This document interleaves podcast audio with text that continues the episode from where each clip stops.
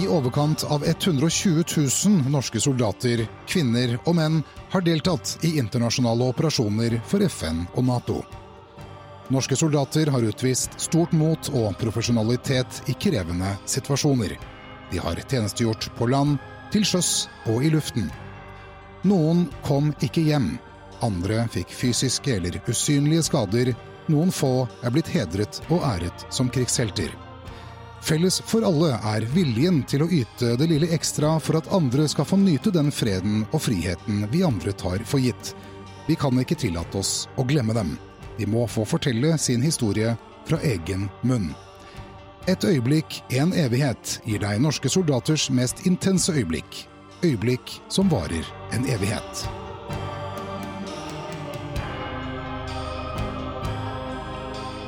Det traff overalt. Jervenduka, synderskutt, magasin, håndgranater, M72, ammunisjonskasse.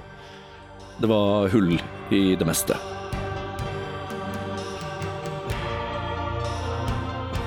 Ja, velkommen til Et øyeblikk en evighet. Og eh, er tilbake i bygning 1. Vi, eh, vi har med oss i dag eh, Christian Slinning. Velkommen til deg. Takk for det.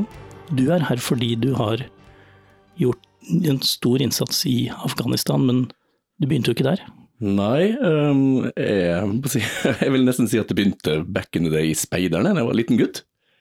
Og så uh, balla det på seg med uteliv og med ledelse, heimevernungdom, og så ble det inn i Forsvaret.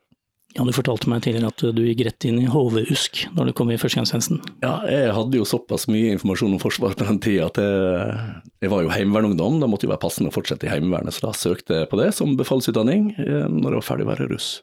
Hadde du noen, si, noen tanke den gangen om at du skulle gjøre en, en karriere, en yrkeskarriere i Forsvaret?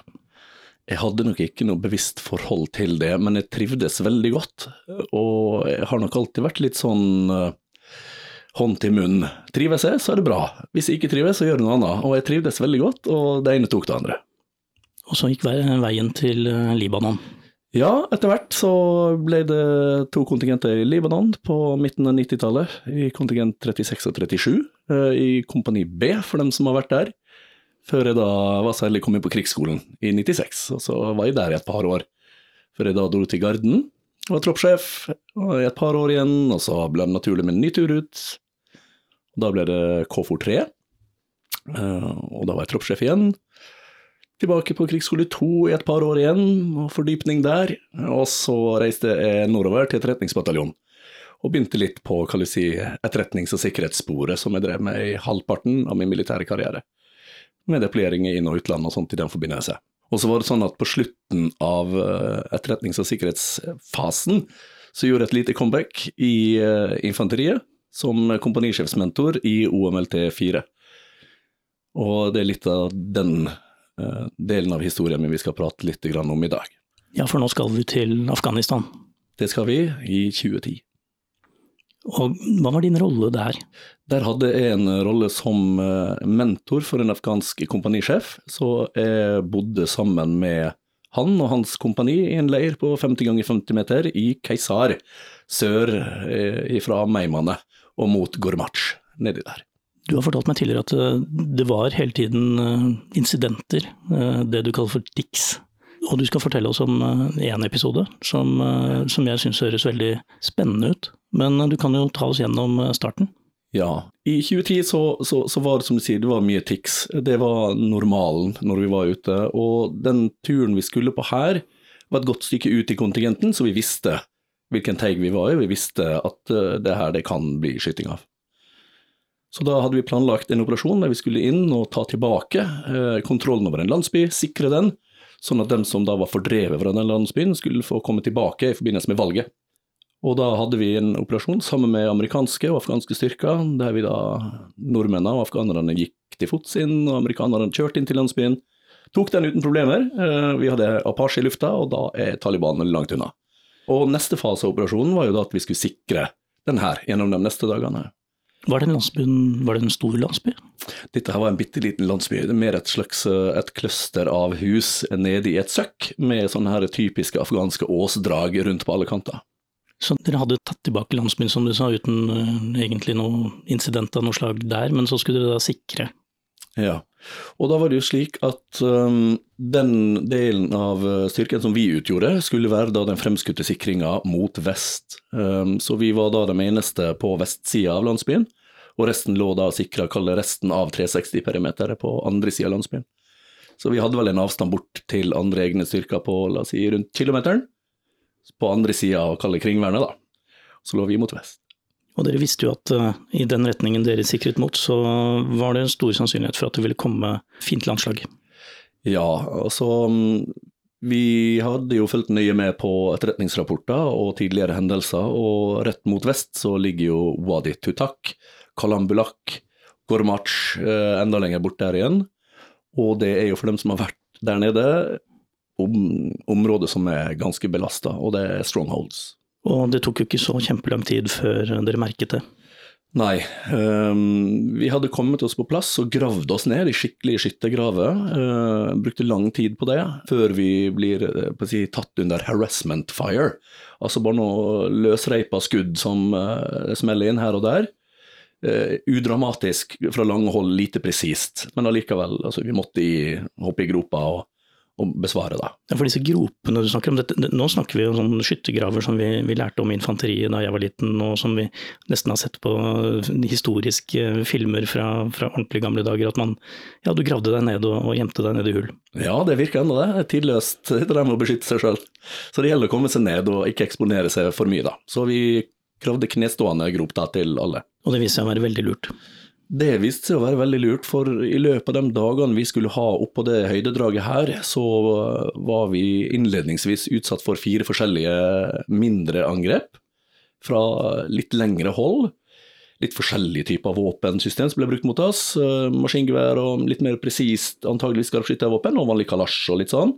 Eh, og det, det var relativt ukomplisert. Altså det var mer av det samme som vi har vært i før.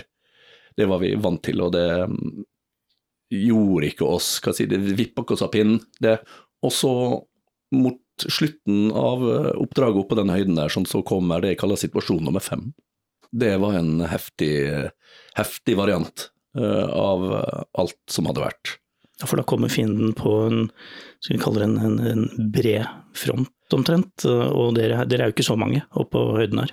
Nei, eh, vi er ikke mange oppå der, men eh, vi er jo fortsatt er jo godt nedgravd, og vi har tatt frem bra med våpensystem, så går 12-7 på tre fot, eh, og liksom ordentlig klassisk infanteristrid, og var forberedt på det. Men vi er jo da statisk. Vi har den posisjonen. Går du ut av den skyttergrava, da er du veldig eksponert. Og fienden på andre åsen, rett foran, de manøvrerer i bakkant og popper opp og skyter, manøvrerer igjen, popper opp og skyter. Og så gjorde de det her da på bred front, 180 grader foran oss, ehm, med masse forskjellige våpensystem. Ja, for her var til og med RPG, rakettkastere og alt mulig rart eh, med. Ja, det smalt ganske bra eh, en periode. Vi plukka opp eh, haler fra RPG-er rundt stillingen og sånt i etterkant, og det, det spruta jo ned ja, det traff overalt. Jervenduka, synderskutt, magasin, håndgranater, M72, ammunisjonskasse. Det var hull i det meste. Men ingen egne skader på de som lå der oppe under denne, denne tikken? Bank i bordet. Ingen av oss ble truffet. Men midt oppi der, sånn, du er jo sjef på, mm. på, bakken der, og skal jo ikke bare si, passe på din egen sektor. Du har jo en, en lederrolle i forhold til å kjøre samholdet med de andre avdelingene. Var det litt hektisk?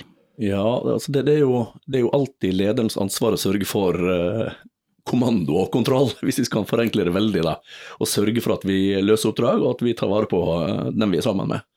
Vi har liksom, Du må jo ha ett radiosamband som går til amerikanerne og til fly, og så har du ett som går til på kalle, vårt norske nett. Og så har du det som er internt i vår enhet, som ligger på åsen fremme der. Så du må, må, balansere dem, selvfølgelig. Det er ikke noe nytt ved det, men det blir sånn her i tillegg til logikk. ikke sant? Du har det i tillegg til at du skal lede dem du er i grop sammen med. Du skal se til at vi har kontroll på fienden, og du må ta valg på ting vi skal, og ting vi ikke skal. Hvor nærme kom de? Nei, de, altså, de var jo på oss, draget rett foran oss. De kom seg ikke opp mot oss eh, på vår ås. Vi holdt dem unna. takket være fantastisk dyktige soldater som eh, jeg da var heldig å få lede, med kjernegruppe da fra TMB-en. Du sa at eh, på et tidspunkt her sånn, så begynte dere faktisk å gå ned på ammunisjon, dere begynte å, å slippe opp for ting? Ja, for det du Når ting drar litt ut i tid Vi drev jo på en times tid på den siste eh, stridskontakten her, og det er ikke sånn at du treffer på hvert skudd. Det er litt forskjellig hold, og det er mye støv, og det spruter inn, og du skal samtidig sikte og skyte ut. Så da Det går litt ammo, det gjør det. For det er kontinuerlig skyting? Det er. Ja, det er det. Men vi hadde med mye ammo, så det var jo, var jo greit for så vidt. Men vi skulle ikke ha holdt på så veldig mye lenger. Hvordan løste du det til slutt, altså, hvis vi skal ta hvordan, hvordan kampen gikk? Hvordan, uh, hvordan fikk du avslutta dette her? Ja, nei, altså selvfølgelig, når jeg merka at dette her var intense greier, så jeg kalte jo inn etter flystøtte uh, for å få inn det. Men det tar tid før du har fly on station. Så det vi måtte ende opp med her, var å bruke bombekaster for å beskytte åsdraget foran oss, for å presse fienden tilbake. Det høres jo veldig like til ut, men, eh, men det er ikke bare å futte av gårde en, eh, en PK sånn av seg selv, du må jo styre dette her. Ja, det må du, og da er det veldig ok at man har planlagt bombekastermål i forkant. Eh, så det hadde vi. Vi hadde ikke fått skutt på måla, for det var åpenbart ganske nært oss, det her. Så når jeg merker at nå må vi ha bombekaster, til tross for den risikoen det kan utgjøre at den går kort og treffe oss sjøl, så ba vi om BK, og fikk en granat inn for å se om vi er der vi skal være. Først gikk litt kort, og så fikk vi justert, og så hadde vi Fire for Effect i uh, en god stund etterpå, og hadde kjempebra eh, resultat av det. Ja, og du fortalte meg at det var fallende på andre siden? Ja, det, det, er slik at det gjøres jo alltid en battle damage assessment, og vi fikk etter noen dager klargjort at det der omkom seks fra fiendens side og tre skadde. De fleste navngitt, eh, så det blir, det blir veldig tett. Når du ligger der under ild, midt i denne striden, hva rekker du å tenke på noe? Altså, kjenner du på frykt, kjenner du på Hva kjenner du på når du ligger der? Du kjenner på frykt, du kjenner på at nå gjelder det, og så kjenner du på um, ansvaret som leder. Og hva sier du, og hva sier du ikke til dem du har oppi der? Og hvilken grad av frihet skal de ha til å løse oppdraget i sin sektor, versus at det begynner å detaljstyre. Så det er veldig mange tanker som liksom uh, suser gjennom uh, hele tida.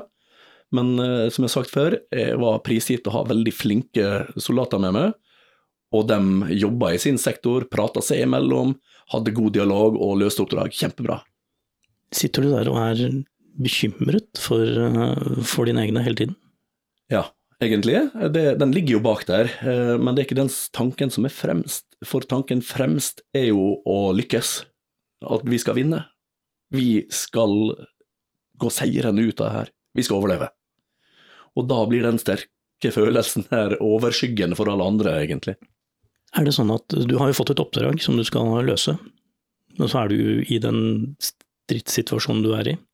Endrer det oppdraget seg da noe, sånn fra å løse oppdraget til at oppdraget blir å overleve, som du sier? Ja, det blir helt klart det. For det er jo det som er essensen der og da. Altså Da handler det ikke om at folk skal vende tilbake til landsbyen. Da handler det om å vinne trefninger, om å overleve. Fins det noen grenser for hva du ville gjort for å oppnå det? Ja, det gjør det jo.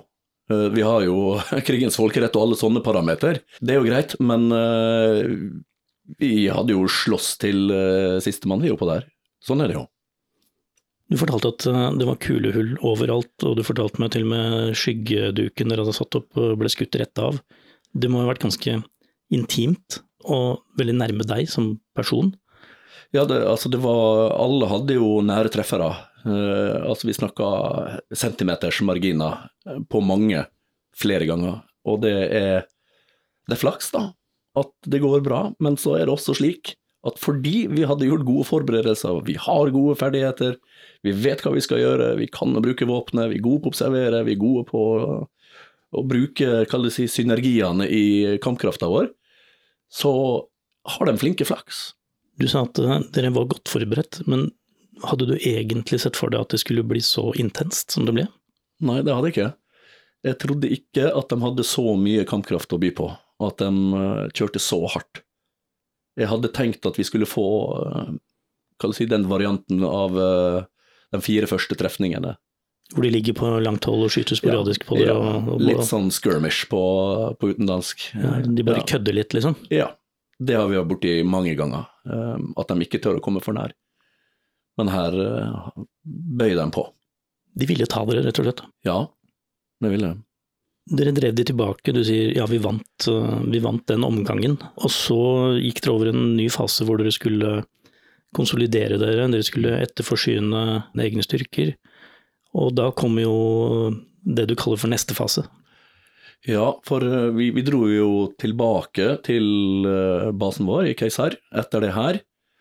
Og så skulle vi da ut igjen til samme landsbyen med etterforsyninger til uh, deler av afghanske styrken som sto igjen for å, å holde landsbyen. For dere trakk dere tilbake fra den åsen da når ting var, var sikret og hadde ja. roet seg, ikke sant? Ja, det ble den siste trefninga der sånn. Da, da, tok vi antageligvis en del av hovedstyrken da, som gjorde at de eh, ikke hadde samme kapasitet til å komme igjen umiddelbart. Og så kom dere tilbake for å ja, etterforsyne, som du sier? Ja, og vel vitende om at veien ned dit var smal og trang, eh, og full av flaskehalser og kanaliserende lende, så fokuserte vi i tida frem mot det på hva vi skal gjøre når vi kommer til nettopp en flaskehals langs en vei. For vi jobber jo sammen med det afghanske kompaniet, og det er viktig at vi da er samkjørt med dem, sånn at vi ikke kjører oss inn i en situasjon vi ikke ønsker å være i. Men vi, vi kjører ikke mer enn en snau kilometer fra den asfalterte hovedveien, altså ringveien i Afghanistan, og sørover mot uh, landsbyen Sinjitak, før vi da dessverre kjører på uh, en IED i et kanaliserende lende. Og den fremste bilen i kolonna her var en bil, en Hummer, som afghanerne satt i. Det var seks mann inni der. Og det smeller jo noe voldsomt. Vi er bil nummer tre, kanskje, noe sånt. Det, det, er bra trykk når du sitter nede i en sånn dal og det går av en sånn eh, kraftig ID. Og vi skjønner jo med en gang at nå Det her gikk ikke bra. Så sikrer vi området rundt. Vi tar høydedraga.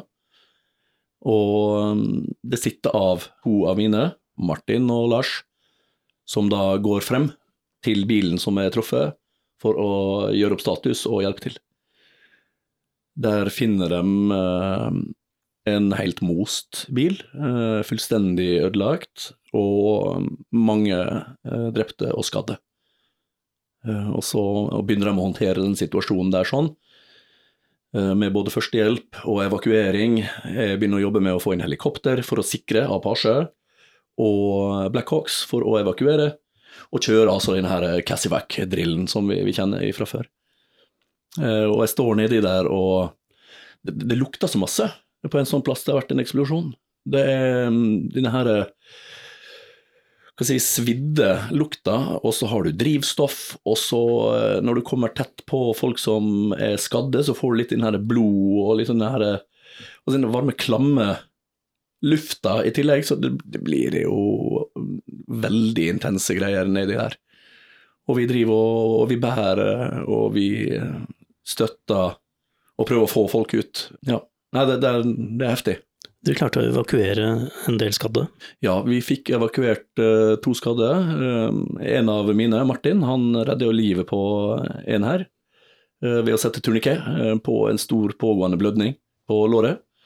Så han ble jo dekorert for det, og sammen med sykepleieren min Lars, som var en av de aller første inn her, ble også dekorert for fantastisk innsats på å håndtere situasjonen. Det er jeg veldig stolt av.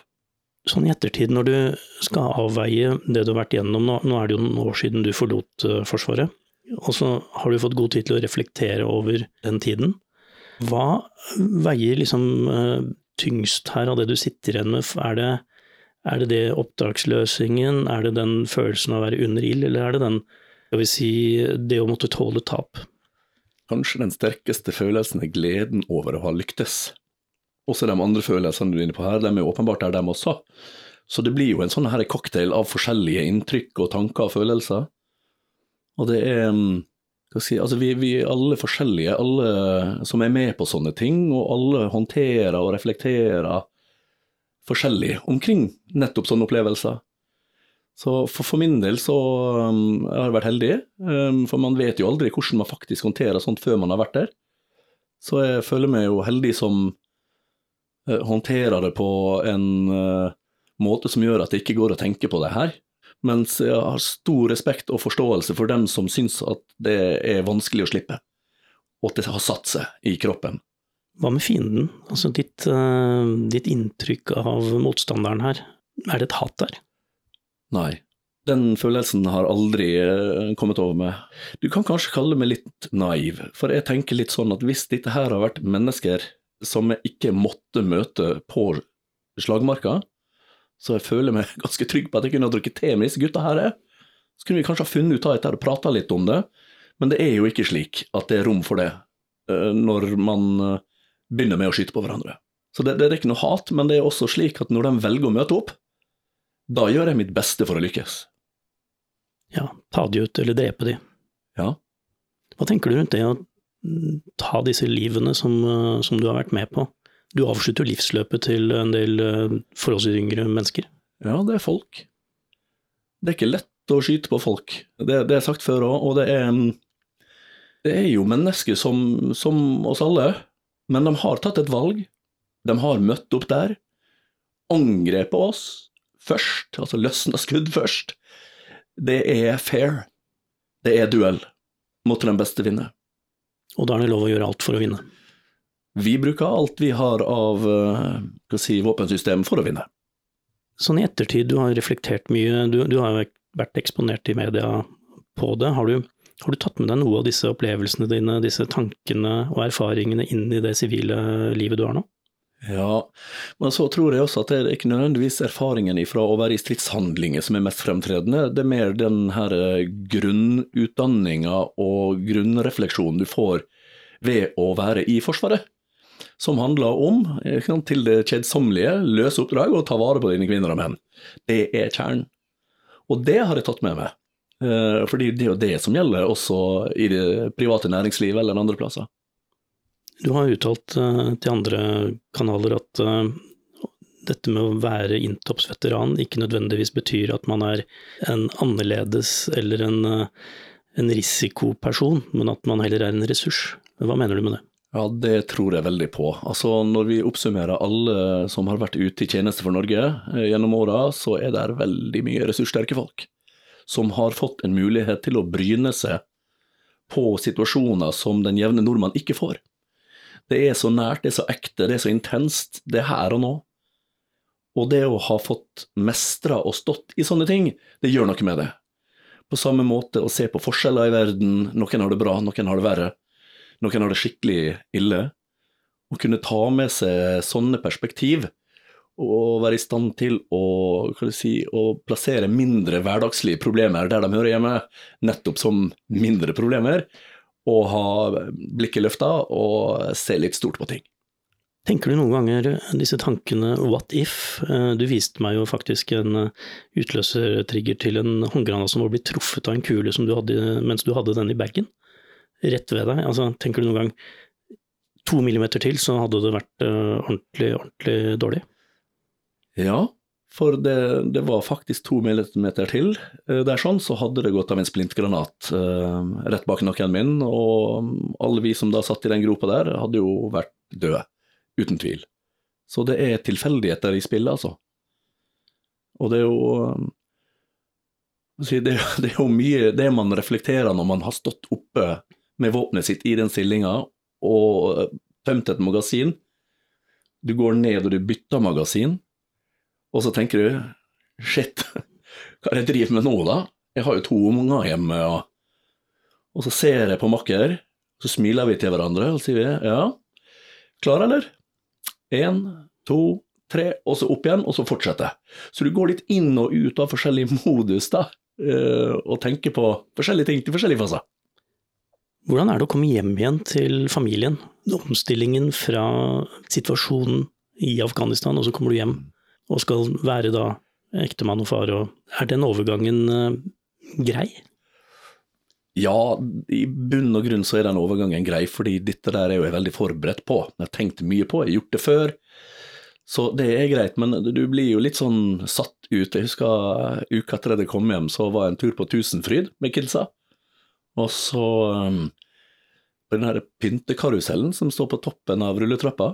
Og den går sånn kjempesakte rundt, og der sitter det små barn, og så står det foreldre sammen med barna. Og så går den sakte rundt. Og der sto jeg med kidsa, og så kommer det på høyttaleranlegget. Oi, stoppa karusellet og greier, og så Du må holde deg fast, dette her er farlig. Og så tenkte jeg ja, greit, jeg skal holde meg fast. Så det, det blir sånn her, altså disse her spennet da, mellom uh, hva du kommer ifra og hvordan det er nå, det, det, det er stort. Det handler jo om opplevd risiko, kan du si. Har du vært i situasjoner i det sivile hvor du har gått fort tilbake i den modusen du, du er i en, når du er i en stridssituasjon? Ja, for i en stridssituasjon så gjelder det å holde hodet kaldt, ikke sant. Og heldigvis så um, har jeg lært meg sjøl å kjenne slik at når det virkelig brenner, da blir det litt kunstig rolig. Da er jeg flink til å se i øya, jeg er flink til å snakke tydelig og sørge for at folk har forstått. Og det her er jo uh, noe som jeg har nytte av i dag i jobben min, uh, der jeg jobber med sikkerhet og beredskap. Og situasjoner som oppstår som kan være presserende. Dette ansvaret du har for, eh, eller hadde eh, som sjef på bakken der, er det et ansvar du har tatt med deg videre? Følger du opp, og har du kontakt med noen av, av gutta? Ja, vi har hatt kontakt eh, ever since, og har det fortsatt. Noen har jeg mer kontakt med enn andre, men vi har kontakt alle sammen. Så har det jo vært litt korona og litt sånn ikke mulig å møtes nå i det siste, men så snart den tåka letter, da skal vi samles. Du nevnte at to av soldatene dine ble dekorert med innsatsmedaljen. Du har også blitt dekorert for en annen incident. Hvordan ser du på dette med anerkjennelse og medaljer og sånn? Er, er, det, er, det, viktig, eller er det sånn som mange bare trekker på skuldrene og sier ja ja, der vant jeg i Lotto, liksom?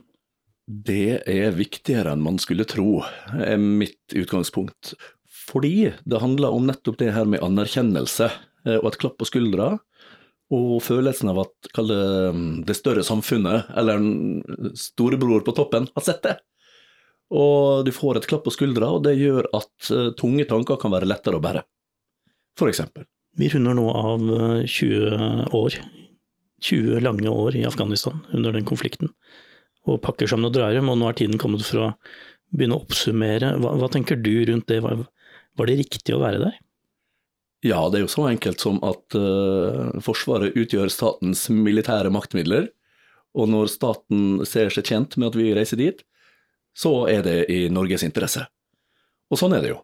Blir du vemodig av å tenke på det? det er over? Nå har du vært med på konflikter som har gått over både Norges engasjement i Unifil i Libanon og, og nå Afghanistan, som er over. Er det, er det vemodig? Ja, altså, jeg, jeg velger nok å fokusere mer på det vi gjorde der og da, enn hvordan det gikk sånn med det hele til slutt. For jeg har jo vært både i Libanon og i Kosovo og fire turer i Afghanistan, og det er jo sånn at hvis jeg skal ta det personlig at det kanskje ikke gikk slik som alle håpte, da ville det jo vært veldig slitsomt, tenker jeg. Jeg skulle selvfølgelig ønske at uh, situasjonen var en annen, og at uh, Taliban var militært slått, og at vi kunne reise derifra, og det var en viss grad av fred og stabilitet. Men sånn er det jo ikke, dessverre men det kan ikke jeg klandre verken meg sjøl eller andre norske styrker for. Hvis du skal fortelle dine fremtidige barnebarn om hva du har gjort, er det én spesiell ting du vil fortelle om og bringe videre? Ja, godt spørsmål. Nei, ikke, kanskje ikke en situasjon, men jeg vil vel heller kanskje fokusere på hva, hva det å, å tjenestegjøre bringer med seg av positive ting. For det å få være sammen med andre i en uh, veldig vanskelig situasjon, løse komplekse oppgaver sammen, det samholdet du får, og den uh, gledesfølelsen du får når du lykkes med sånne ting som du blir eksponert for, det er jo gull, og det er jo livserfaring. Så jeg tror nok jeg vil heller zoome litt inn på liksom det større, store bildet, og um, alt det positive man lærer ved å ta f.eks. lederutdanning i Forsvaret. Da. Når du ser tilbake på tiden, både Libanon, Kosovo som du sier, Afghanistan, angrer du på at du dro? Det er jeg veldig glad for og stolt av. Det har blitt en stor del av hvem jeg er, både hjemme og på jobb. Så um, det er min identitet er skapt gjennom eh, snaue 20 flotte år i Forsvaret. Hvordan har støtten fra de hjemme vært mens du var ute?